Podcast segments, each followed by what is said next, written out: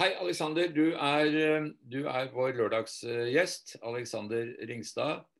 Eh, vi har hatt deg på, hos oss tidligere også, men eh, nå har du litt mer å fortelle. Nå har du hatt noen måneder med den nye katamaranen din, CG32. Fortell litt hvordan det har vært. Ja, Eh, jeg rett på deg der. Det er en GC32. Eh, men ganske close maker. Eh, det har vært et veldig, veldig lærerikt år. Når, eh, når, båten kom i juni, så, så var det mye følelser og mye man hadde jobbet for, som, eh, som liksom kom ut av kroppen. Og man fikk kanskje roet seg litt og begynte å fokusere litt mer på seilingen. Um, så vi brukte mye tid da, på å sette sammen et et lag som vi mente ville fungere om bord i båten. Eh, og i starten av august så, var, så hadde vi tatt ut seks seilere. Som skulle få Så vi muligheten, eller har fått muligheten til å være med oss eh, hele høstsesongen. Og det har vært eh, det har vært en veldig fin reise. Um, det er som jeg har nevnt eh, til deg tidligere, det, når man går fra, fra Mott til eh, til en sånn GC32 hvor uh, man er plutselig fem stykker som skal samarbeide. Det går på foiler, vi seiler i over 30 knop. Uh, det er mye krefter i, i den båten. Så, så, blir det både skummelt uh, og gøy samtidig. Så nei, det har vært en, en veldig lærerik sommer og, og, høst for oss. jeg er veldig fornøyd med, med innsatsen som, som vi har gjort. Eh, og dere klarte dere uten uh, uhell? Har ikke kullseilt eller uh, gått på trynet noen gang? Nei, altså vi har jo vi har hatt noen ganske heftige nosediver i, i over 30 knop. Uh, og det er jo ikke Det er jo sånn som det er å seile en sånn type båt. Men vi har ikke kullseilt uh, enn så lenge. Og jeg tror det handler mye med respekt for, for utstyret og respekt for, for vind og, og vær. Mm. Eh, så man, man, pusher kanskje ikke grensene så mye som man ville gjort i en regattasammenheng da, når man er her hjemme. Men eh, vi har pushet det langt nok til at det har gått galt noen ganger. Dere fikk eh, da en treningsperiode først i Sandefjord, hvor dere seilte da i en, et par-tre måneder. Og så tok dere båten inn til Oslo, hvor dere dra, drev da med litt mer corporate seiling. Sto mm. det i forhold til innsatsen? Fikk dere noe ut av det? Ja, absolutt. Det som er fint, er jo at mange av våre seilere er jo basert, eller bor jo her i, i Oslo, eller nært Oslo. Så, så, man slapp jo mye logistikk. Og så når man kommer liksom på høsten uh, i Oslo her, så, så, er det jo vind her også. Så det var jo ypperlig for oss å få trene rundt Asker-området Eh, og utover mot, eh, mot eh, Drøbak. Og det er jo ja, litt mer plass da enn det er i Sandefjord. Eh, men selv om Sandefjord er vår base, og der der båten står nå, så, så var det fint for oss å flytte oss eh, til Oslo. Eh, vi fikk seilt enda mer, og vi fikk hatt med ganske mange gjester ut. og synliggjort båten litt mer for, for folk, da. Mm.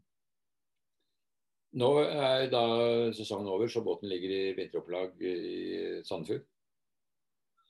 Båten er eh, satt på land, ja. Um, det stemmer. Ja. Dere skulle vært med i en regatta nede på Gardasjøen, men eh, da, av naturlige årsaker så måtte det bli avlyst? Ja, man Vi sliter jo da, sånn som alle andre, med dette koronastyret. Så man må jo bare det er jo det er ikke så populært å, å bruke, bryte sånne regler, så man, eh, man passer seg jo å følge med på hva som skjer der. Så, så, det ble ikke noen tur til Garda, og man får jo se hva som skjer videre. Dere hadde vel også planer om å seile mot en dansk tilsvarende båt? Ja, eh, vi har jo vært i litt kontakt med med Rockwool, som har en GC32 også, og snakket om å reise til Garda sammen med de. Eh, men pga. korona så, så, valgte vi å ikke gjøre det. Eh, og det ble eventet og ble også avlyst eh, etter at vi hadde gjort vår beslutning. Så ja. Når du snakker om et samarbeid med Rockwool, som jo da har en tilsvarende GC32, så er jo de også en, en Sail GP-båt, en 50-foter. Mm. Betyr det at det er en dør åpen for dere å kunne komme på et sånt lag? Nei, det, det har ikke vært et tema i det hele tatt. Det som har vært et tema her, er at de har en båt i Skandinavia, og vi har en båt i Skandinavia, så hvorfor ikke prøve å eh, seile mot hverandre og, og, trene mot hverandre? Um, og ja. Så det, det, er egentlig bare på det laveste nivået av, av GC-seiling at vi prøver å få, seilt sammen. Mm. Men så har dere planer om å være med i denne GC32-serien som er uh, i løpet av sesongen?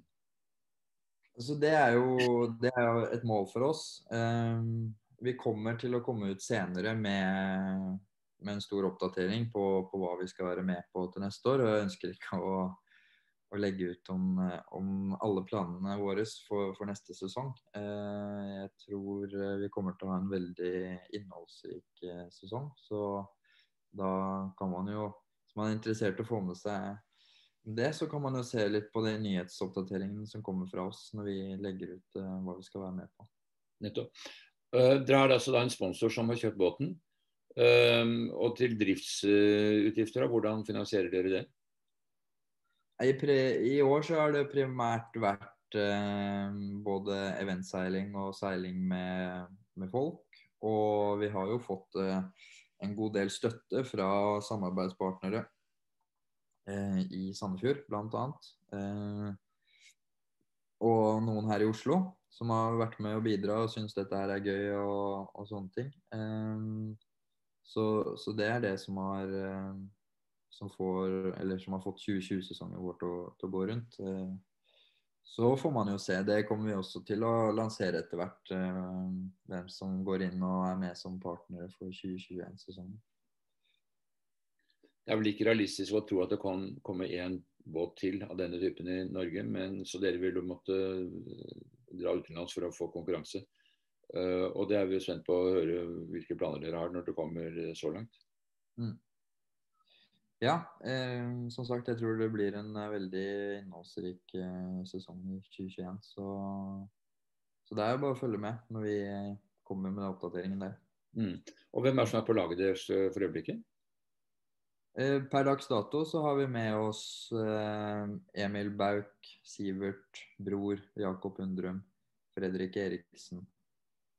Eh, ja, så har vi Martin Bie. Du sa Sivert og Bror, det er altså de to brødrene ditt? Ja. Mm. Ja, de har jo begge erfaring, særlig Bror har jo en del erfaring fra den type seiling. Også på America's Cup-nivå, så det er sikkert en bra impuls for dere. Bror er en kjempebidragsyter. Eh, det er ingen som har kunnskap som han.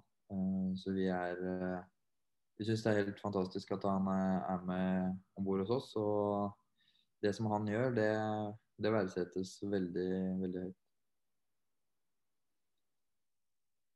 Veldig bra. Da får vi bare ønske dere en god eh, fortsettelse av dette prosjektet, som er veldig spennende og av stor betydning for norsk seilsport på et nivå som vi hittil ikke har kjent så mye til. Men det er jo grunn til å tro at dette kan eh, gi eh, muligheter mot kanskje litt langt å trekke America's Cup inn, men i hvert fall i den retningen.